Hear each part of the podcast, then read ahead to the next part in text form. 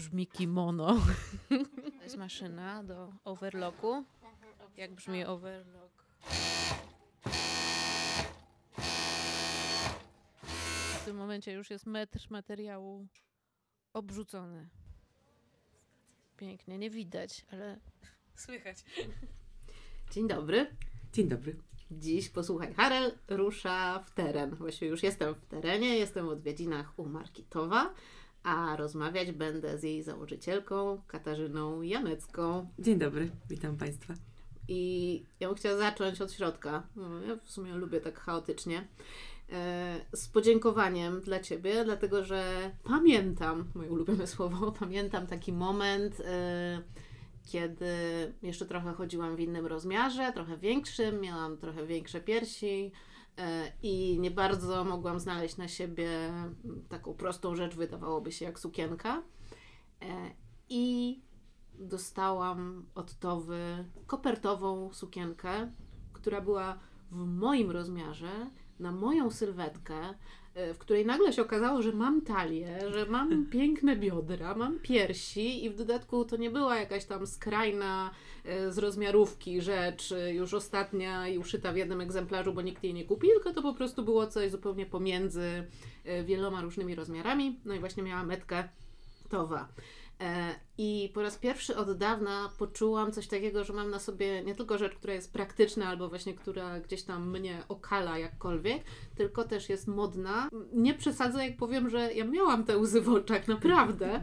E, Mimo, że wiem, że to tak brzmi, może dziwnie, ale e, naprawdę poczułam, że jeszcze jest jakaś nadzieja dla mnie i dla mojej trudnej sylwetki. Potem sylwetka się zmieniła, a ja wciąż w tobie się mogę odnaleźć. No i właśnie tutaj do ciebie takie pierwsze pytanie. Skąd w ogóle ta koncepcja, która jest y, świetna, a wcale nie taka popularna, żeby pójść w tak szeroką rozmiarówkę? To w sumie przyszło naturalnie, bo ja nie miałam nigdy innego pomysłu, żeby szyć do jakiegoś konkretnie rozmiaru. Na pewno jest to też związane z moim prywatnym rozmiarem i y, prywatnym wzrostem. Ja mam 1,80 m i noszę rozmiar 50.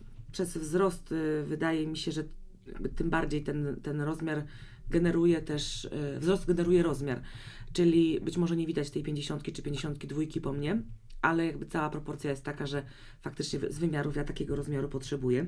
Wydawało mi się to naturalne i my żeśmy w ogóle zaczęli całą naszą produkcję od wyjściowego rozmiaru 40. I tak w sumie do tej pory też działamy, czyli ten, ta sztuka, która jest odszywana jako wzór, to jest 40, czyli można powiedzieć, że środek. Było też to zgodne ze sztuką, bo ja z założenia chciałam mieć i mały rozmiar w ofercie i duży rozmiar w ofercie. A jakby tutaj sztuka krawiecka mówi, że mm, wystopniować szablon możemy tylko cztery rozmiary w górę lub cztery rozmiary w dół. E, poniżej lub powyżej takiej, takiej tej, mm, tej ilości trzeba już konstruować model na nowo. Więc e, dlatego zaczęliśmy od tej 40. I zawsze miałam w głowie taką wizję, że moje ubrania zakładają kobiety, nie dziewczyny. Nawet bardzo młode, ale kobiety. Więc naturalne było dla mnie, że one mają biodra, że mają biusty, że będą chciały pokazać talię, ale też dla mnie moda się na przestrzeni tych lat zmieniała bardzo różnie, bo ja zaczynałam w sumie od takiego mm, momentu, e, że modne były dopasowane rzeczy. Zaszewkami, pokazujące talie, pudełkowe 2000 2003. Ja jestem słaba w chronologii. 2013, 10, 12, mniej więcej 10 lat temu. 12 albo 13. 12-13, no tak, to wtedy się... E, I to były takie krótkie, e, takie sukieneczki tuby i one były naprawdę dopasowane. I później moda na przestrzeni lat była też i na oversize, i na, na różne formy, różne bryły. Dla mnie było zawsze bardzo ważne to, żeby bez względu na modę dziewczyna, kobieta wyglądała szczupło. I to jest w sumie takie najważniejsze w ogóle, jeśli chodzi o modelowanie odzieży, w moim przypadku, że ubranie nie może krzywdzić sylwetki, a to, czy ktoś jest w rozmiarze 34 czy y, 46, on będzie chciał po prostu wyglądać korzystnie. Mm. Więc y, musimy tą konstrukcję przygotować w ten sposób, żeby tą, te korzyści wydobyć z sylwetki. Czyli podkreślić proporcje tak naprawdę. Tak, albo je czasami ewentualnie w niektórych modelach zgubić. Zgubić dysproporcje w, i odzyskać proporcje prawidłowo. Ja nie zakładam, że każdy z naszych modeli będzie wyglądał dobrze na każdej sylwetce, No bo to by było nie- tak by się nie da. dało, więc e, też staram się przygotować w, of- w ofercie tyle y, form i tyle mm, różnych konstrukcji, żeby każdy znalazł coś dla siebie. Cały czas będę wspominać dzisiaj tę sukienkę, ale faktycznie ja w niej zauważyłam jakiś taki powrót proporcji takich no, bardzo klasycznych. E, Też jako osoba, która jakoś szczególnie nigdy nie zwracała na to uwagę, żeby tam, nie wiem, coś podkreślić czy coś e, zakryć, ale po prostu spojrzałam w lustro i tak, a, czyli tak można, czyli to się da. I zawsze lubię porównywać rozmiary ubrań do rozmiarów butów, że przecież nie wciskamy się w 36, jeśli nosimy 39.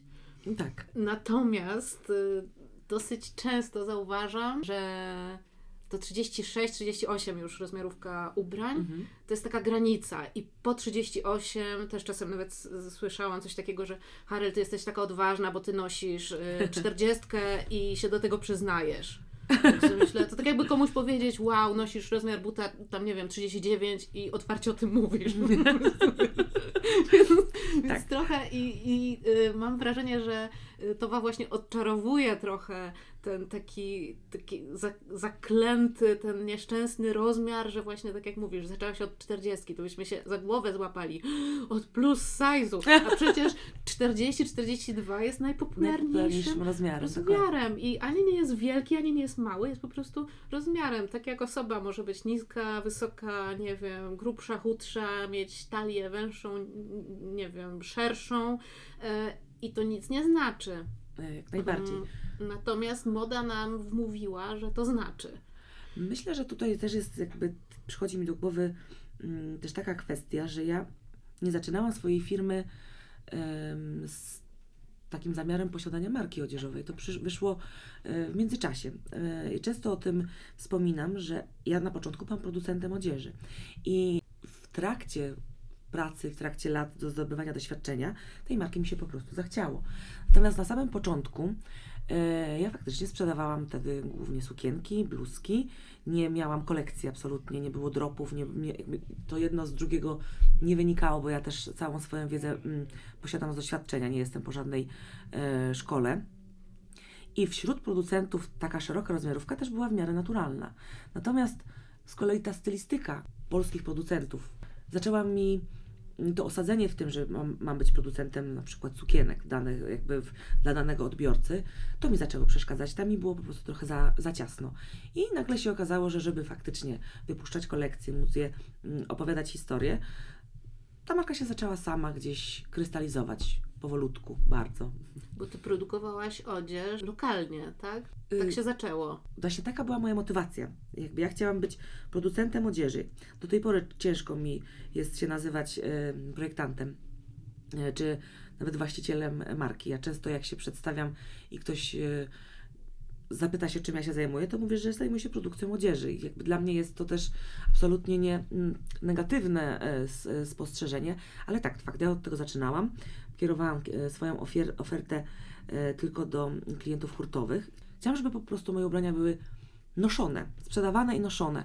I do tej pory to jest taką moją główną motywacją, żeby one faktycznie trafiały, trafiały do, do kobiet. Też e, ja sobie tutaj wypisałam taki drobny cytat ze strony, że Towa nie ogranicza się do spełniania oczekiwań trendseterek, które na Instagramie polują na nowości. Równie ważne są dla nas klientki pragmatyczne, których każdy zakup jest przemyślany, więc skłaniają się ku klasyce. I rzeczywiście, tak jak mówisz, że ta produkcja odzieży często się e, gdzieś tam zamykała w jakichś ramach. Podejrzewam, że e, no wciąż jak patrzę na przykład na oferty producentów odzieży, e, przynajmniej polskich, to jest bardzo dużo właśnie takich wizytowych, odświętnych rzeczy, tak zwanych sukienek na wesele, które mają wy- wybrzmienie bardzo często y, pejoratywne, chociaż nie, niesłusznie, bo są sukienki na wesele i sukienki na wesele. Ale rzeczywiście u Ciebie widzę bardzo dużo tej klasyki, e, ale właśnie w taki sposób podany nieoczywisty, nawet jeśli chodzi o te guziki, których tutaj Państwo nie widzą, ale ja już trochę widziałam. To chyba wynika z tego, że y, ja cały czas mam głód nowości i nawet jeśli mm, jest ym, sprawdzone rozwiązanie, na przykład y, przychodzi mi do głowy ta marynarka oversize'owa, którą my promowaliśmy ze trzy sezony i ona się przez pierwsze trzy sezony nie sprzedawała, a teraz już wieszczą, że jest y, jej y, koniec na horyzoncie, a moje klientki mam wrażenie, że dopiero zaczęły się dobrze czuć w tych, tych, w tych oversize'owych marynarkach. to taka jedna marynarka mi nie starcza. I myślę, że to też może mnie właśnie odróżniać od tego e, przysłowiowego, przysłowiowego, przysłow, przysłowo, To się wytnie. to się wytnie, producenta odzieży, że ja muszę mieć cały czas nowe modele, muszę mieć cały czas nową kolekcję, cały czas nową historię, nowe kolory, bo otacza mnie bardzo dużo e, pięknych rzeczy i ja nie wszystko zdążam zrobić, co bym chciała, ale cały czas mam poczucie, że muszę mieć nowe. Jak w takim razie z Twoim podejściem do modnego od paru sezonów takiego sformułowania, czy w ogóle takiego sposobu na szafę kapsułową w takim razie? Wie, jest- Wierzysz w szafę kapsułową? No i tak i nie, bo ta szafa kapsułowa od razu przychodzi mi w, do głowy w konkretnej kolorystyce i też palecie. I jeśli chodzi o, o to, to nie do końca jestem przekonana, jestem zwolenniczką tego, że można ograć cały sezon na trzech podstawowych barwach. Ale jeśli chodzi o fasony, to uważam, że no, znalezienie swojego stylu niekoniecznie się będzie równało z, ze stworzeniem szafy kapsułowej. Zastanawiam się, czy z naszych modeli, myślę, że i z naszej kolekcji, nie dałoby się stworzyć szafy kapsułowej. Dałoby się stworzyć em, grupę produktów bazowych, ale no sama nie wiem, wydaje mi się, że nie, że y, no wydaje mi się, że nie. nie. Bo, bo, znam, bo znam takie panie, które chodzą tylko w towie. No właśnie, to nie oznacza, że I szafę można stworzyć, Mhm. tylko nie wiem, czy ona będzie czy to będzie ta klasyczna kapsuła? O której to, to myślimy. Jest, to jest ciekawy wątek, co tak naprawdę ta kapsuła znaczy, bo przyzwyczailiśmy się i przyzwyczaiłyśmy, że to jest beżowy trench, mała czarna, tak, biała w paski, koszula, tak, tak, t-shirt paski, mokasyny i... czarny, piękny, skórzany pasek, tak. Na przykład tak, natomiast przecież nasza szafa kapsułowa może być zupełnie e, Może by też w sumie inna, tak, taka od- bardziej nasza, ale y, w, w kwestii takiej 360 to rzeczywiście mam wrażenie, że no chyba tylko torebek u Was nie ma. No i bielizny, Tak. ale, ale Nie, no, nie ma też biżuterii. Nie ma, jeszcze nie ma wielu bardzo, bardzo wielu rzeczy jeszcze nie ma. Chociaż ale biżuteria będą. wydaje się jakby była, bo po prostu Przez te y, są zdobienia niesamowite, takie biżuteryjne. Jeszcze bym chciała zwrócić uwagę na y, jedną rzecz, która właśnie w takiej szafie kapsułowej dosyć często, coraz częściej wybrzmiewa, mianowicie jakość. Właśnie też mi to przychodzi do głowy, bo jeśli wydaje mi się, że ta mm, popularność y, tego rodzaju określenia i to dążenie do tego, żeby posiadać szafę kapsułową, to wynika z potrzeby posiadania takich elementów garderoby w szafie, które zawsze się sprawdzają, zawsze dobrze wyglądają. A taki efekt osiągamy właśnie w momencie, kiedy mamy produkty dobrze dopasowane do sylwetki i dobrej jakości. Myślę, że w naszej ofercie też znajduje się grupa produktów o podwyższonym, podwyższonej jeszcze dodatkowo jakości tych produktów e, z kolekcji premium. Mm, I w połączeniu z, z tym, co oferujemy między sezonami, w trakcie sezonów, to ta szafa kapsułowa mogłaby powstać. Po prostu taka to, towowa, Towowa, tak, towowa szafa Tak, u nas na, na pewno beż będzie zamieniony na kolor jest- Smutno-różowy albo tak. szałwiowy, pamiętam taki piękny trench Tutaj też szałwiowy. jakby te, te szałwia i róż są od Mm. początku, od początku ze mną. A propos tej jakości, to też mam wrażenie, że mając jednak produkcję na miejscu, bo tutaj też e, będą co pewien czas Państwo słyszeć różne dźwięki, odgłosy, to są e, odgłosy nie z jakiegoś banku dźwięków, tylko ja to naprawdę nagrałam e, tutaj w pracowni i, i to są maszyny, które naprawdę widziałam, ponieważ to wszystko się odbywa e, tutaj lokalnie w Końskich. Będzie teraz krojenie materiału. Jak tutaj stanąć, żeby według zasad BHP, żeby mi nie przekroiło mikrofonu. nie, No, nie, będzie sam ten, dobra. okej. Sam dźwięk.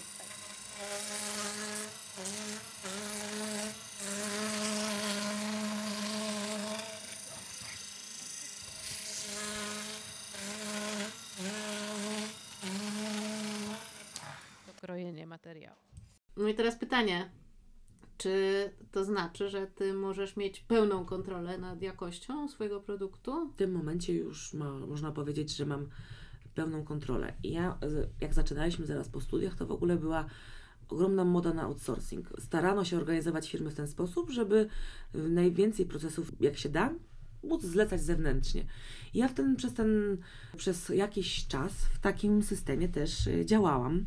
Natomiast robiło się to coraz trudniejsze. I był taki moment, że ja, żeby dopilnować, do, do, y, dopieścić tą zewnętrzną produkcję, w szczytowym momencie potrzebowałam trzech osób, które zajmowały się tylko tym, tylko pilnowaniem tej zewnętrznej produkcji, oprócz całej mojej załogi, która była też tutaj na miejscu w firmie. I bardzo bałam się posiadania tej własnej szwalni, bo też wydawało mi się to bardzo trudne, ale też była opinia o tym taka, że posiadanie własnej szwalni jest nieekonomiczne, nieuzasadnione, że jest bardzo mm, duży problem z pracownikami. U nas jest y, duża bardzo rotacja modeli, zmienność. Faktycznie dziewczyny szyją, można powiedzieć, że kilka nowości tygodniowo. Ta struktura produkcji też u mnie, to był, ja za, założyłam szwalnię w takim momencie, w którym uznałam, że będę szyła trudne suknie, trudne żakiety i też dużo, dużo więcej trudnych modeli z, ze skomplikowanych tkanin. I to się w sumie musiało tak zakończyć, bo ja bym tego nigdzie nie uszyła. Po prostu, w takiej jakości e, tym bardziej. I samo się po prostu wydarzyło. Teraz już e, nie wyobrażam sobie posiadania firmy bez, bez własnej szwalni. Teraz będzie ploter. Drukujemy. A co drukujemy? Trafaret drukujemy na sukienkę. Teraz, bo się zestresowałam. i mi A co to jest? Co drukujemy? Drukujemy trafaret, czyli układ kroju dla krojowni do krojenia sukienki. A, okej. A, czyli tu się drukuje. A, już widzę. Tu widać na ekranie wykrój. I on zaraz będzie na papierze naniesiony. Pierwszy raz w życiu to widzę. Pierwszy raz w życiu. To jest dla mnie nowy moment.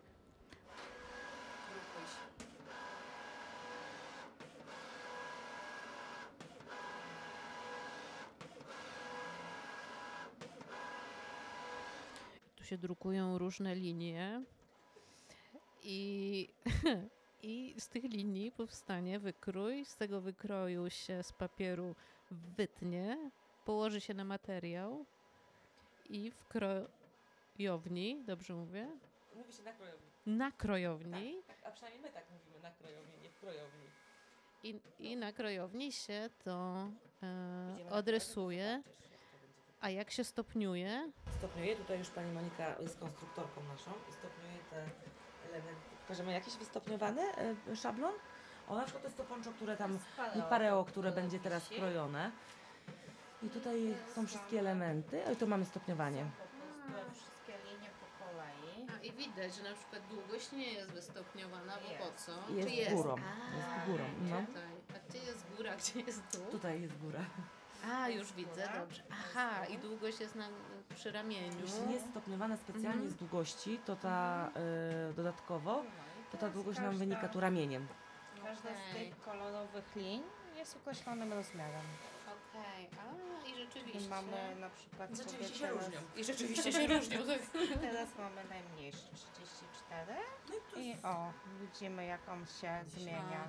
Się wielkość. i on rośnie. Też tutaj jak wchodziłam, to widziałam bele materiałów najróżniejszych, z których powstanie kolekcja. No podejrzewam, że na przyszłą zimę albo i przyszłe lato nawet. E, też tu przed chwilą, czy już, czy, czy powstanie po prostu kolekcja na, na Bieżąca. maj, bo to będzie taka, taka jest- szybka akcja. Tak, u nas niestety, znaczy niestety jest, nie wiem czy niestety, to się wytnie. Mm, My działamy w bardzo szybkim tempie i myślę, że to też nam e, pozwala spełniać oczekiwania klientek, bo ja pokazuję kolekcję, mm, zamykam kolekcję mniej więcej 8 tygodni przed tym, jak jest wdrożony model do sprzedaży, więc to jest może nie fast fashion, ale to się dzieje bardzo szybko. To jest praktycznie tylko tyle czasu, co zamówienie tkanin i uszycie produktu, zamówienie dodatków, to mniej więcej to 8 tygodni, więc y, to, co teraz wjeżdża, te mm, dostawy, których się spodziewamy, to jest jeszcze ten sezon. Myślę, że do końca maja ja mam czas na to, żeby projektować jeszcze ten sezon, więc y, u mnie to się dzieje bardzo Czyli bardzo Na wariata. Ba- Na wariata, ale nie fast fashion. To jest taki miły paradoks, że jednak o fast fashion się mówi i to, co mówiłaś, że jest outsourcing i to, że po prostu y, się odtwarza szybko, szybko. I z kontrolą jakości jest różnie. Y, czasem lepiej, czasem gorzej. Natomiast tutaj mamy i szybko, i, i, i, i ładnie. Szybko i dobrze. I, solid, i solidnie, tak zapomniane trochę, zapomniane trochę słowo. Ty masz dosyć dobre ceny, jak na taką lokalną produkcję, takie przystępne. E, I powiedz mi, e, jak to się robi, jeśli to nie jest tajemnica handlowa? Gdzie tkwi, nawet nie sekret, ale e, skąd taka decyzja nawet, żeby po prostu nie zamykać się na klientki, które na przykład no, nie, no nie wydadzą więcej niż ileś tam na sukienkę, ale też mogą znaleźć u Ciebie y, coś świetnej jakości. Czy to pozwala Ci na takie ustalenie cen właśnie y, ta Twoja produkcja, którą tutaj masz na miejscu, czy, czy jeszcze jest jakiś sekrecik, który właśnie od Ciebie wyciągnę? Ja myślę, że w naszym przypadku ta cena jest adekwatna do jakości. Ja stosuję taką strategię zróżnicowanej ceny. Ta cena nie jest ani zawyżona, ani zaniżona. Ja oczywiście chciałabym móc sprzedawać swoje produkty jeszcze po wyższej cenie, ale myślę, że dlatego, że chciałabym, żeby moi pracownicy na przykład więcej zarabiali. Natomiast y, w dalszym ciągu w wielu przypadkach y, jest tak, przede wszystkim mi zależy na tym, żeby ten produkt był dostępny i możliwy do kupienia. Ciężko mi jest oceniać. Ja się oderwałam w ogóle od poziomu cen produktów, cen odzieży i dodatków w ogóle, ponieważ e, pracuję na, e, na, na cenach tkanin. Ta cena ostateczna jest w ogóle mi często jakby, nie, że nieznana, bo ja wyceniam te produkty wszystkie sama, natomiast ja o tej ostatecznej cenie zapominam. I zdarza mi się, że no nie, to się wytnie, ale że te produkty są drogie Mhm. że wbrew pozorom to nie są tanie rzeczy, Mhm. że nie każdy sobie może na to pozwolić tak dowolnie, na dowolną ilość, em, ilość tych produktów. Więc jakby ta motywacja do tego, żeby mm, podnosić ceny, właśnie wynika z tego, że ja bym chciała jeszcze może jakieś używać trochę droższych tkanin, że mm, może konstrukcje będą jeszcze bardziej skomplikowane, ale to będzie miało zawsze potwierdzenie w produkcie. E, A sama, e, sama struktura wyceny pozostaje niezmienna od tych kilkunastu lat. I te produkty faktycznie na przestrzeni tych kilkunastu lat zdrożały, bo zdrożało po prostu wszystko. Niestety i produkt ten ostateczny też. Ale myślę, że jeśli oceniasz to w ten sposób, że jest to w miarę przystępne, to też co- cofamy się do tego samego początku. Ja od początku chciałam sprzedawać ubrania, nie 10, tylko 1000. I myślę, że z tego też y, wynika ta cena, że po prostu ja y, mogę tych produktów szyć więcej, sprzedawać więcej, a wiadomo, że tutaj działa efekt skali i im większą ilość z danego modelu produkuję, tym na każdym etapie ta cena jest negocjowalna. E, Jeśli szyjemy dużo produktu z danego modelu, e, moje krawcowe też szyją go troszeczkę szybciej, troszeczkę są w stanie na, nich, na nim więcej zarobić, więc to wszystko jest powiązane ze sobą, jako jeden organizm. I ty też tu znowu taki y, mały cytat y, znalazłam twój, gdzie mówisz, że po studiach wydawało mi się, że wszystko jest możliwe. Udało mi się osiągnąć sukces chyba właśnie dlatego, że nie miałam świadomości własnych ograniczeń, a w zamian mnóstwo dobrej energii. No, słyszycie Państwo tę dobrą energię doskonale tutaj myślę. Y, Natomiast a propos świadomości albo braku świadomości własnych ograniczeń, Towa była właściwie od, no już od dawna dostępna w ogromnej ilości sklepów, mam wrażenie, w całej Polsce. Tylko na przykład nie każdy sobie zdawał sprawę, że to jest tutaj, stąd, y, bo po prostu były to sklepy z różnymi markami. Mhm. E, Ale teraz tak, jest butik firmowy, no oczywiście online, to wiadomo, ale jest też w Kielcach, na y, ulicy najważniejszej, y, jeśli chodzi o zakupy, Sienkiewicza. Sienkiewicza, dobrze. E, Ale też, y, uwaga, uwaga, bardzo dobra wiadomość dla mieszkańców Warszawy i ok- i okolic, bo za chwilę też się otwiera butik w Warszawie. No i opowiedz mi, z, skąd ta decyzja i czego tam się możemy w tym butiku spodziewać? No ja myślę, że ten butik w Warszawie to jest taki krok milowy. Ja wierzę w to, że każda marka potrzebuje y, fizyczności i potrzebuje miejsca, gdzie produkty można dotknąć, y, przymierzyć, gdzie czuć klimat marki. I uwielbiam online. Jest y, wspaniały. Ja się bardzo Wygodny. cieszę, że to się tak udało w ogóle rozkręcić, rozbujać i zacząć też w odpowiednim momencie, bo jak zaczynałam y, pisać pierwszy sklep internetowy, to chyba jeszcze showroomu w ogóle nawet nie było tej platformy, więc to były same początki sprzedaży internetowej w Polsce odzieży, ale to jest dla mnie za mało. Nie da się zaspokoić wszystkich zmysłów y, tylko i wyłącznie y, online.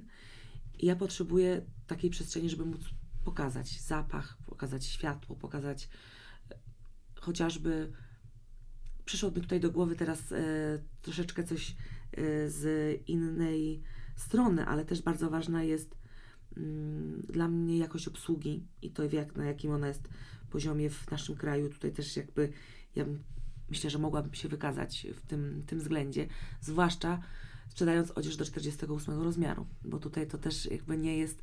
A i też bardzo brakuje mi w naszym kraju sklepów z ubraniami, które są przychylne osobom w większym rozmiarze, bo myślę, że nawet i na mapie Warszawy nie ma wielu takich miejsc. I to nie chodzi o to, żeby to był absolutnie sklep z odzieżą specjalistyczną, no to czasami jakby my dziewczyny w większym rozmiarze jesteśmy też zmuszone korzystać z takich miejsc. Myślę, to jest, to jest To jest dosyć, dosyć przykre. To zresztą tak. samo jak malutkie dziewczyny korzystają z działów dziecięcych i też gdzieś tam je to boli, że po prostu nie mogą znaleźć sobie po prostu w dziale damskim nic, bo y, muszą iść do jakiegoś tam młodzieżowego, gdzie oczywiście też wszystko jest w nieco innej estetyce i bardziej naiwne, a z kolei te specjalistyczne takie y, duża pani, duży pan, moje ulubione po prostu nazwy sklepów, tak, albo puszysta pani, y, to auten- au- autentyczne nazwy po prostu butików Tak. gdzieś tam warszawskich, nawet były takie tam gdzieś na Grochowie czy coś, tak, puszysta pani, no to tak jak mówisz, stygmatyzuje zupełnie niepotrzebnie, no bo tak jakby robić tak, sklepy z butami od 41 dla długiej stopy Matko Boska. No. Tak, zgadza się. No, ja mi zależy na tym, żeby przede wszystkim stworzyć przyjazne miejsce. Takie, do którego się będzie chciało wracać, żeby mieć takie miejsce, w którym y, jeśli będziemy potrzebować jakiegoś ubrania, to po prostu z nim z tego sklepu wyjdziemy. I dla osób, które będą, będzie im się podobała ta nasza estetyka, będę się starała zagwarantować szerokie spektrum odzieży. Ja mówię jak ten, jak yy, rzemieślnik, mam takie zapędy. Rzemieślnik to jest y, jeden To z większych komplementów Tak, y, na szczęście. w tej Rzemieślniczo, w, drogie panie, w każdym rozmiarze, w każdym każdym fasonie coś tam. Wam dobierzemy. To teraz poprosimy ad- adres sklepu jeszcze. E, e, Sklep będzie na ulicy e, Brackiej 3. Bracka 3, proszę sobie zapisać. Zresztą ten podcast zostaje, więc można zawsze sobie dosłuchać i, e, i odtworzyć. No myślę, że teraz to ja sobie pójdę pooglądać to wszystko jeszcze dokładniej. I... A nie, jeszcze nie. Jeszcze chcę spytać, jeszcze chcę zadać jedno może trudne pytanie. Mhm. Tak sobie pomyślałam. Takie, e, bo niestety, znaczy niestety, siedzimy właśnie tutaj, jest e, przełom lutego i marca i trzy lata temu na przełomie lutego i marca, albo bardziej nawet na początku marca, e, nastała pandemia i właściwie nie wiedzieliśmy w ogóle, co się dzieje, o co chodzi i jak będzie. I niektórzy mówili, że to potrwa aż do czerwca, i ja byłam załamana, że to potrwa aż do czerwca. E, No, potrwało trochę dłużej i e, dosyć dobrze przyglądam, znaczy tak bacznie się przyglądam branży naszej i lokalnej, i światowej branży mody, jak to dotknęło ją, a dotknęło z różnych stron i dosyć mocno. I powiedz mi, jak e, Towę dotknęła pandemia, jak przetrwaliście? Bo Tak, przetrwaliście. przetrwaliśmy. Myślę, że ono nam wyszło na dobre.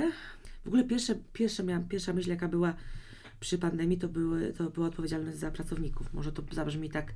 To było w ogóle pierwsza rzecz. Ja muszę zapewnić tą pracę i móc oferować klientom coś, sprzedawać coś, żeby szyć i żeby nie zamykać firmy, bo Mhm. takie były te pierwsze w ogóle prognozy, zakłady się zamykały. No tak. My żeśmy nie szyli w tym czasie zarobkowo rzeczy związanych z ochroną. Szyliśmy trochę tutaj prywatnie na nasz rynek, ale to jakby też było poza. Ja przede wszystkim nie chciałam wpuścić bardzo, nie chciałam wpuścić covid do swojej marki. Mhm. Ona jest w jakimś stopniu trochę bajkowa i u nas nie było sesji z mas- maseczkach. Mhm. Miałam wrażenie, że to jest tak jak, y, czyli media y, społecznościowe, one są jakimś rodzajem kalendarium. Nie chciałam, żeby ten okres się odbił. I miałam, jak, pierwsza myśl, jaka przyszła mi do głowy, to to, że musimy zrobić odwrotnie. Czyli będziemy szyć suknie Mhm. w covid i to nam się, ponieważ jesteśmy firmą, która działa szybko i ma wszystko u siebie, to udało mi się wtedy przefasonować całą produkcję i my z takiej regularnej produkcji przerzuciliśmy się na szycie trudnych modeli w bardzo małych ilościach i robienie bardzo dużej ilości zdjęć. To było bardzo trudne w czasach pandemii. To jakby było naprawdę zorganizowanie sesji, gdzie będzie pięć niezależnych osób, to było niezwykle skomplikowane. Ale w tamtym okresie miałyśmy jedną z trudniejszych sesji, gdzie miałyśmy trzy modelki naraz, dwóch fotografów i jednego filmowca. I to było w Muzeum Wsi Mazowieckiej w Sierpcu. I tam, tam pokazaliśmy chyba przy jednej tej sesji ponad 80 stylizacji, to było wszystko wdrożone. I to właśnie to było ten sposób zorganizowane, czyli były dużo mniejsze ilości, dużo mniejsza ilość modeli, małej ilości sztuk i to nas się w sumie, to nam się Sprzedawało. sprzedawało, tak. Czyli to nie legenda, że suknie w covid po prostu Nie. nagle poszły w górę, tylko rzeczywiście się chciałyśmy przebierać w jakieś piękne rzeczy.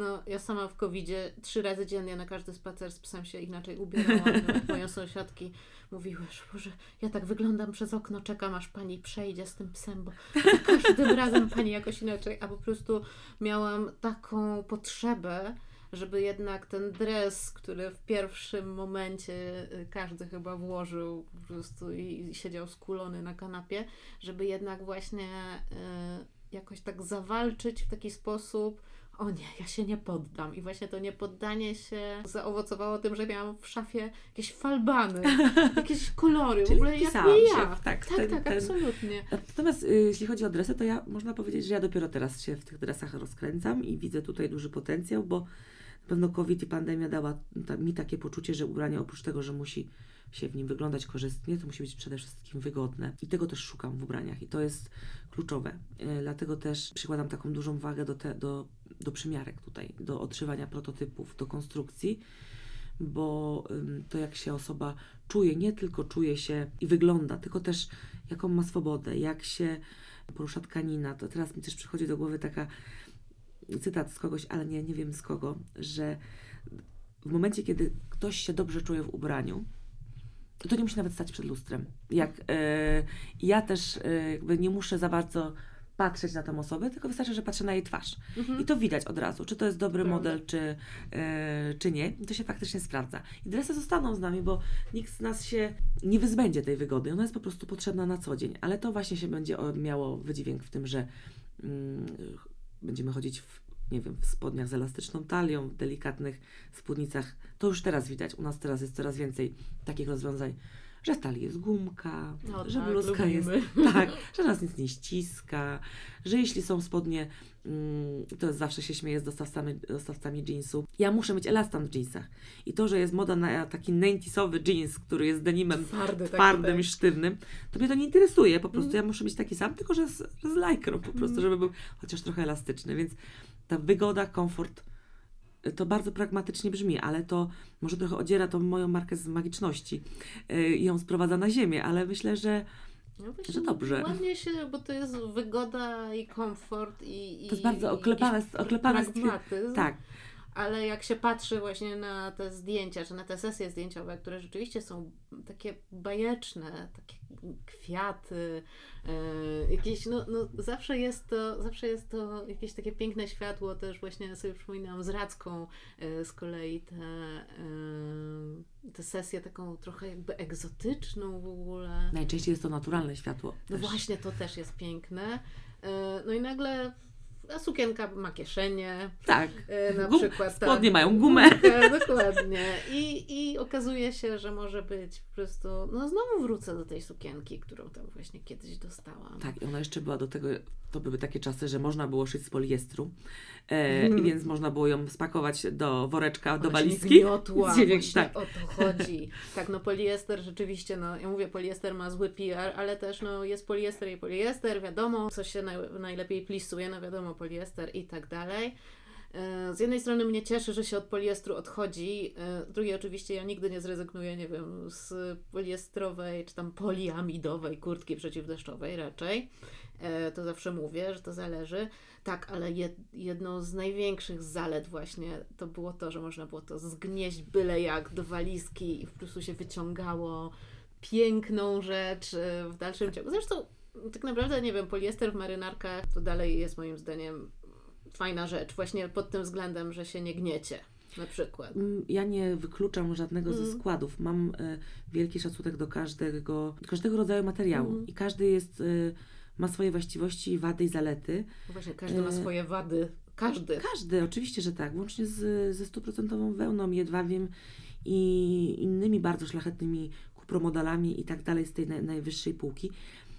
Ja umiem je wszystkie szyć i umiem szyć też, umiem szyć jedwab, ale umiem też obchodzić się z poliestrem. I e, taka stygmatyzacja jego nawet w tych mieszankach wydaje mi się PR-em. No to jest, to jest strasznie y, taki y, trudny temat pod tym względem, że po prostu teraz no, dużo słyszę o poliestrze i dużo takich skrajnych opinii, że właśnie największe zło na świecie w ogóle y, wywalić, wywalić. Z drugiej strony y, słyszę, że właśnie bez poliestru się nie da tego, a tamtego. I mam wrażenie, że jemu się tak dostaje, po czym jakby się tak popatrzyło, y, nie wiem, na produkcję bawełny, ale to już wchodzimy w tematy... Bardzo głęboko, tak, to na, na inne które spotkanie. absolutnie, tak, mi się nawet, tak, to, Mi się też nawet nie chce o tym nie gadać. Chcę, tak, mi też się nie chce o tym gadać i, i szczerze to mówię, bo po prostu to y, niech inni o tym gadają. Tak, bez jest, przesady. Jest sporo osób, które o tym gadają. Natomiast tutaj no, u Ciebie też widzę y, tak, inkluzywność nawet w kwestii materiałów po prostu, Tak, że nie prostu to wykluczasz są, są fasony, które najlepiej będą wyglądały z szyfonu poliestrowego. Są No tak. fasony, które najlepiej będą wyglądały z jedwabią. No. Więc to, już kończąc ten temat, taki hejt na poliester jest tylko w Polsce. Jeśli do, oglądam kolekcję włoskich dostawców i, i mam takie pytanie, no, no, oni wiedzą, że w Polsce absolutnie poliester nie wchodzi w rachubę. My to wszystko przekładamy na wiskozy, na jedwabie i tak dalej, ale oni ten poliester za granicą sprzedają. Są całe, całe marki, które i to z najwyższej półki, które też szyją Ja z poliestru. składy, widzę Tak, składy. Bo to ma swoje po prostu wady i zalety, ale to mi też zależy na to, żeby każdy mógł wybrać, bo mamy sukienki z szyfonu wiskozowego i szyfonu poliestrowego. Ja też w tych składach jestem szczera i się tutaj jakby zawsze do, mm, do domieszek przyznaję. To też nie jest wcale takie y, niestety oczywiste. No nie jest oczywiste, nie jest. Albo takie stosowanie takich dziwnych symboli zamiennych zamiast tak, na przykład 100% z szyfon. 100% szyfon, ja też uwielbiam 100% dzianina. 100% materiał. Też widziałam Też widziałam, niedawno tak. e, 100% dzianina cekinowa, więc już w ogóle e, cie- ciekawy, cie- ciekawy produkt. Tak, tak, więc e, no, nie ma się czego wstydzić, zwłaszcza, że, że podawanie składów to jest jedna z pierwszych rzeczy. Akurat to jest coś, na co zwracam uwagę, jak e, kupuję ubranie i to nawet już tak e, myśląc o różnych zakupach internetowych w różnych miejscach, nawet bardziej mnie obchodzi skład niż, niż e, pochodzenie danej rzeczy. Znaczy teraz Mhm. oczywiście zwracam uwagę też na to, e, jeśli jest taka informacja, no ale skład, bo ja od razu wiem, jak się będę w tym czuła. Mhm. Że ty kocham wszelkiego rodzaju wiskozy, bo to jest takie milutkie, latem chłodzi na przykład, też len jest wspaniały, no ale to tak jak, tak jak mówisz, no o materiałach też mogłybyśmy drugi podcast pewnie Dokładnie, nagrać, albo i tak. nawet trzeci. Jeden byłby właśnie taki y, Dlaczego tak, a drugi Dlaczego, dlaczego tak, nie? a drugi dlaczego nie, dokładnie. A może wiesz, no wiem, czuj się zaproszona, możemy porozmawiać, dlaczego tak, dlaczego nie. Hmm. Nie chcę kończyć poliestrem. Nie, Nie, nie, nie, ja też nie, nie, bo to w ogóle nie było, nie miałam tego w Zakończmy- planach.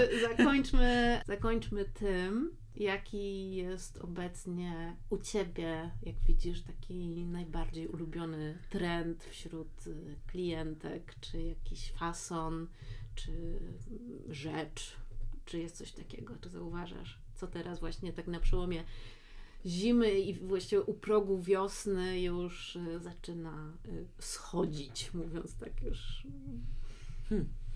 Od kilku, ym, kilku lat można powiedzieć, że moda i trendy są tak obszerne, że możemy sobie wybrać z nich, co chcemy tak naprawdę i dopasować do kolekcji. Nie ma tematu przewodniego, takiego konkretnego. Na pewno ja dużo lepiej czuję się w kolekcjach wiosennych i letnich, też ze względu na tą moją paletę, na tą spektrum tkanin, z którymi mogę współpracować i też tą, to, że klientki są w stanie trochę bardziej zaszaleć latem. Zawsze też mam takie poczucie, że im więcej technik, technologii zostało użytych do produkcji odzieży, tym y, rzecz jest bardziej kunsztowna. Czyli na przykład jeśli jest fason, który ma i plisowanie, i różne rodzaje, nie wiem, wykończenia typu na przykład tu mereszka, tu podszywarkę, jeszcze idzie do haftu jeszcze ma zakończenie jakoś tutaj y, sko- skomplikowany sposób, utrudnione do produkcji, im jest bardziej unikatowe, tym jest bardziej trendy. I y, zdobienie odzieży to jest tak, tego bym chciała, żeby było w ogóle więcej i chciałabym, żeby było zawsze w trendach. A teraz idzie, Bardzo. przepraszam Cię, idzie bardzo i Teraz tak, tak. idzie tak, To to, będzie mój moment. to jest niesamowite, tak, bo rzeczywiście te kwiaty w towie, ja, ja się do czegoś przyznam. Ja się do czegoś przyznam, bo miałam taką marynarkę e, nie, przepraszam, nie marynarkę, sukienkę w groszki i ona miała wielki Bez czerwony kwiata. kwiat. Chciałaś bez kwiatu. I ja nie chciałam go, dlatego że on mi się kojarzył, że to był rok 2001, ja wtedy do wszystkiego Tak, przyczepiłam ten kwiatek i po prostu nie chcę. I teraz oczywiście, co się dzieje? Ja sobie myślę, Boże, dlaczego On był przepiękny. chciałam? On był taki, on był On był do- najlepszy, ja go nosiła do wszystkiego. Ale też przypominam Ci, że Ty tą sukienkę sobie poprosiłaś, żeby ją skrócić Tak, o jakąś chorą długość, Tak. bardzo dużą. tak. Widziałam tą moją piękną suknię, która była gotowa, Margo ona się nazywała. Po czym miałam wysłać Ci tą bez tego kwiatu i tą skróconą, gdzie była, no niestety, Dra- sylwetka, czy dramat. fason był zniekształcony. Mm. Mówię tak, Boże, co ona sobie pomyśli, jak tą sukienkę zobaczy? A ja ją bieda! po prostu, ja ją kochałam szczerą miłością, ale teraz ten kwiat bardzo mi smutno bez niego. Oczywiście, bo zobaczyłam, że już u Prady są kwiatki i sobie myślę, aha, to wam miała kwiatki po prostu, bo po prostu Mam w bo DNA. po prostu są w DNA i teraz są modne, więc też no, w sumie to fajnie mieć taką markę, która po prostu pozostaje w, w swoim charakterze przez cały czas i zawsze coś z, z jej oferty będzie modne, a e, inna rzecz po prostu wchodzi do jakiejś klasyki czy do jakiegoś mainstreamu za przeproszeniem. E, Ale mówisz też o tym, że lubisz trochę pokomplikować produkcję, no dobrze, ale to wszystko tutaj się dzieje lokalnie i powiedz, jak się ogarnia, już mówię strasznie młodzieżowo dzisiaj, E, jak to się wszystko tutaj dzieje? Jak wygląda w ogóle prowadzenie takiej firmy, która właściwie działa od A do Z? Potrzeba jest bardzo wiele osób do tego, żeby tą firmę tak w ten sposób prowadzić. Ja nie robię tego sama. Jestem tutaj y, tą osobą, która wszystko spina, y, wykonuje najcięższy zawód świata, czyli multitasking na co dzień, który jest po prostu takim spinaniem wszystkiego i dostarczaniem, wymianą y, informacji pomiędzy różnymi działami. Ale ja zatrudniam bardzo dobrych specjalistów, mam bardzo szeroki park maszynowy. I na każdym etapie ci ludzie mają bardzo dużą wiedzę. I też nie ma dla nich rzeczy trochę tak jak dla mnie, niemożliwych. Oni są też, mają, mam wrażenie, że po tych kilku latach prowadzenia szwalni, do mnie zaufanie. I faktycznie na początku było tak, że w momencie, kiedy ja mówiłam, szyjemy taką suknię, ona ma mieć 12 metrów zużycie, Wow. to oni, bo taki, taka, taka się sprzeda, to oni mówili, a może nie, Mhm. a może pani trochę pocieniasi tą sukienkę, może nie ma takiej potrzeby. A teraz po latach już jest tak, że my gramy do jednej bramki. Oni wiedzą, że jeśli mm, ma być trudno, to też nie będzie tanio, będzie, ale będzie najlepiej jak się da i że jakby odwdzięczę, jakby to powiedzieć, że gra jest warta świeczki, że też e, te bardzo trudne modele są przeplecione trochę prostszymi, że jakby cała skala produkcji tak się musi tutaj nam wszystkim zgadzać, ale e, do czego zmierzam? Co chciałam powiedzieć? Chciałam powiedzieć, że te wspaniałe maszyny, a w tym roku na przykład bardzo rzadko spotykana na polskich szwalniach dziurkarka odzieżowa, ta, o której ja marzyłam. To jest w ogóle szok, że można marzyć o takiej maszy- maszynie. Mamy hawciarkę, której jeszcze nie um... Z okrążkiem, taką dziurek, jak w tak? męskich A, garniturach. Bardzo chciałam mieć taką maszynę, ona jest niezwykle kosztowna, ale mam ją. I już jej używam. Mam też hawciarkę, której jeszcze nie używam, bo nie mam jeszcze na nią pomysłu. Ale to z czasem. Ale też korzystamy z wielu nie mamy wszystkiego u siebie, nie mamy, nie wiem, pisowania czy, czy nadruków. No ale to też jest kwestia czasu. Robiliśmy swego czasu nadruki sami. y, W momencie, kiedy były, była taka tendencja i trend na to, żeby były nadruki jakości zdjęcia, czyli robiliśmy te Mhm. nadruki DTG. Teraz jest powrót z powrotem do sitodruku. To to są duże maszyny, dosyć nie byłoby ich chyba już gdzie postawić. Chociaż my w, w gruncie rzeczy to tak nie wygląda. Ja ostatnio się zorientowałam, że my wynajmujemy niecałe 1000 metrów. Do tego I na tym wszystko się mieści? no właśnie się już trochę nie mieści. Niestety nie, mo- nie ma już miejsca ym, wolnego. Na mnie nie ma, ale tak, y, ale też niestety często mi przychodzi do głowy, że zatrudnimy kogoś i ja, już ta osoba będzie siedzieć w moim biurze, a ja będę tam na wzorcowni na przykład miała biureczko. Teraz przechodzimy przez pierwsze pomieszczenie szwalni i słychać maszyny.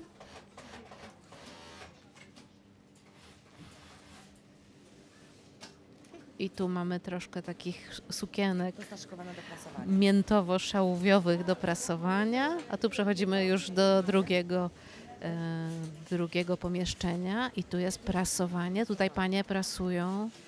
To już zaraz powiem. To jest cztery żelazka i trzy z tych żelazek są e, tak zwanym prasowaniem międzyoperacyjnym, czyli te sztuki w trakcie szycia tutaj wracają, idą od dziewczyn szyjących na żelazka. Są niektóre elementy podprasowywane, na przykład szwy czy kołnierze i wracają z powrotem.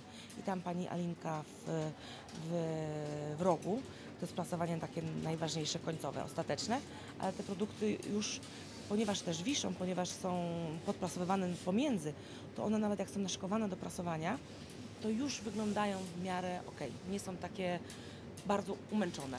No. W tym momencie mamy taką firmę, która może się jeszcze spokojnie, y, może rosnąć. Ile mniej więcej osób jest teraz? W sumie razem z mężem zatrudniamy 40. Z tego jest kilka osób, które pracują dla nas na przykład na kontrakcie, czyli są nasze, pracują z nami, ale nie pracują, e, nie są naszymi pracownikami. Mhm. Czyli sobie możemy wyobrazić dwie klasy podstawówki na korytarzu. I bardzo chciałabym, i bardzo chciałabym mieć tych pracowników więcej. Szukamy dziewczyn, Mhm. dziewczyn szyjących. Niestety, zawód, ja nawet raz nie powiedziałam tutaj tego słowa na S, jest bardzo teraz pejo- pejoratywnie postrzegany i mało kto chce pracować jako szwaczka. Tak, no w ogóle ja teraz y, zauważam, że to młode pokolenie wraca i właśnie do rzemiosła, takiego naprawdę starego, dobrego. Nie wiem, gdzieś odkurzane są te wszystkie warsztaty tkackie. Nagle po prostu młode dziewczyny zaczynają robić jakieś niesamowite rzeczy, kilimy i tak dalej. Inne się uczą, nie wiem, sztuki kaletniczej. E, I no, myślę, że chwila, moment i po prostu taka umiejętność jak posługiwanie się właśnie maszynami krawieckimi najróżniejszymi, e, no też myślę, że się stanie bardziej wartościowa nawet nie e, ogólnie, tylko w głowach tych e, młodych ludzi. No bo niestety, ja nawet miałam taką, miałam taką, taką sytuację, pojechałam na kurs wyplatania koszyków I okazało się, że właśnie jest taka przerwa, że są osoby starsze, które to robią, potem nie ma nikogo i potem są właściwie prawie że nastolatki e, zafascynowane. A o co chodzi? Osoby z tego pokolenia pomiędzy słyszały od rodziców, jak się nie będziesz uczyć, to będziesz wyplatać koszyki. Czyli rzemiosło było sprowadzone po prostu Tak, do czegoś tak. takiego za karę, że jak się nie będziesz uczyć, to będziesz robił coś takiego. Ja po prostu nie mogę przeżyć, że y, może i się uczyłam, ale się nie, uczy, nie nauczyłam szyć na maszynie i strasznie tego żałuję i to jest w, mo- Ja w moich najbliższych planach. Z pokolenia, które musiałeś na studia. Tak, taki, był, tak. taki był scenariusz, każdy był A w szkoła liceum. zawodowa to po prostu najgorsze, co ci się może zdarzyć. A dla mnie po prostu zawód, przy, przyuczenie do zawodu, nawet tak to brzmi jakoś pejoratywnie, a to jest w tym momencie super i też taka samowystarczalność. Ale to już wchodzimy, nie wiem, nawet w to, żeby sobie hodować ogródek sam, samodzielnie i żeby to umieć zrobić. Ale to właśnie mam wrażenie, że cała nadzieja w tym kolejnym pokoleniu, które nie ma tego ciężaru tych stereotypowych właśnie takich określeń, Zawodów, że jak tak. się nie będziesz uczyć, to tak, to będziesz szyć ubrania. No to ja się, to jak ja bym wiedziała, to ja bym się nie uczyła, szczerze mówiąc. To ja bym wolała się nie uczyć. To by była obietnica, a nie, y, a nie jakieś straszenie. No ale wiadomo. Mm, czyli czekajcie, bo ja oczywiście co zrobiłam z jakąś straszną dygresję, ale y, jakoś nam się po prostu tak cudownie ta atmosfera, mam wrażenie, tutaj rozluźniła. Y, powiedziałam, że jest koniec odcinka jakieś pół godziny temu. To są wszystko bardzo fajne tematy. My tutaj, jakby ja, ja stawiam, ja tą, tą swoją markę buduję od bardzo wielu lat i w ogóle staram się być cierpliwa i bardzo mam wrażenie, że w ogóle w naszym biznesie ta cierpliwość jest w wielu najtrudniejsza. I to, co wszystko u nas jest w tym momencie, jest od zawsze się y, staram, żeby było autentyczne i prawdziwe. I dlatego też pomiędzy tymi wszystkimi trendami na szyte polskie, dobre, ym, dobrej jakości, yy, w wielu rozmiarach, to zawsze u nas było od samego początku i ja jakby, ja, nie, ja w ogóle też nie miałam nigdy za bardzo takiej potrzeby, żeby się tym chwalić jakoś. Wydawało mi się to Oczywiste. e, oczywiste, takie, że to tak, takie musi być, takie albo żadne. E, no i, i teraz mam wrażenie, że po tych nastu latach powoli to się zaczyna odwdzięczać w tym, że towa jest kojarzona z tym, że faktycznie te produkty są dobrej jakości, że można je brać w pralce, nie trzeba się z nimi bardzo pieścić, że nie są na jeden sezon, tylko że są na trzy. Sprzedawaliśmy cyganerię 7 lat, tą sukienkę i Ach, myślę, że dalej bym ją ją. sprzedała, bo ona tam na, win, na Vinted gdzieś różowa, lata. W czerwone. Każdy ją kojarzy, tak. e, sukienkę Sofię, czwarty czy piąty sezon. E, w naszych ubraniach chodzą w ogóle panny młode, co jest niesamowite, w ogóle dla mnie bardzo też e, miłe i tak w dostawanie zdjęć ze ślubu naszych sukien, sukniach, sukienkach, to to jest też genialne. To, żeby, że później te sukienki można wykorzystać, e, dowolnie ze sobą łączyć, no to jest no, marzenie. No i to, że właśnie jednak rozmiar 38 nie jest skrajny i nie jest plus size, tylko po prostu jest Tak. jednym, z, jednym z wielu, no to jest bardzo ważne. No i jeszcze sobie kojarzę właśnie a propos tego, że no, u Ciebie to jest po prostu, u Was to jest od początku, a kojarzę takie różne afery, że jakaś tam marka brytyjska miała tylko tam, nie wiem, rozmiarówka się chwaliła, że ma szeroką, miała do 42 i były jakieś dzikie protesty po prostu w związku z tym. No i się ugięła i w końcu zaczęła tam produkować trochę większe te rozmiary też. E, I sobie myślę, no okej, i jest taka tendencja, żeby jednak naciskać, konsument naciska, żeby było więcej, lepiej, szerzej dla e, większej e, liczby różnych osób, bardziej inkluzywnie. A tutaj to wszystko mamy po prostu. a jak też w to ogóle- wybrzmi, to po prostu wszystko Tak, jest i było od Jak początku. ktoś sobie chce mieć markę, w której ma rozmiary do 42, to niech ma po prostu, to Mhm. jest jego marka. No tak, tylko niech się liczy z tym, że no, I każdy znajdzie w jego ofercie coś dla siebie po prostu. No i tak, i tak. A tu znajdzie. Na Brackiej 3, jakby dla, dla Warszawy i okolic. Bardzo Ci dziękuję za rozmowę. Dziękuję również. E, ogromnie, to jest zawsze dla mnie ogromna przyjemność i, i porozmawiać na temat, który po prostu uwielbiam, ale też zawsze dowiedzieć się czegoś nowego, bo to zawsze takie są edukujące dla mnie historie. Teraz po, e, po rozmowie z Tobą będę jeszcze mądrzejsza. E, ale poważnie bardzo Ci dziękuję. Ja również. E, no i trzymam kciuki i do zobaczenia na Brackiej. Do zobaczenia. Dziękuję bardzo.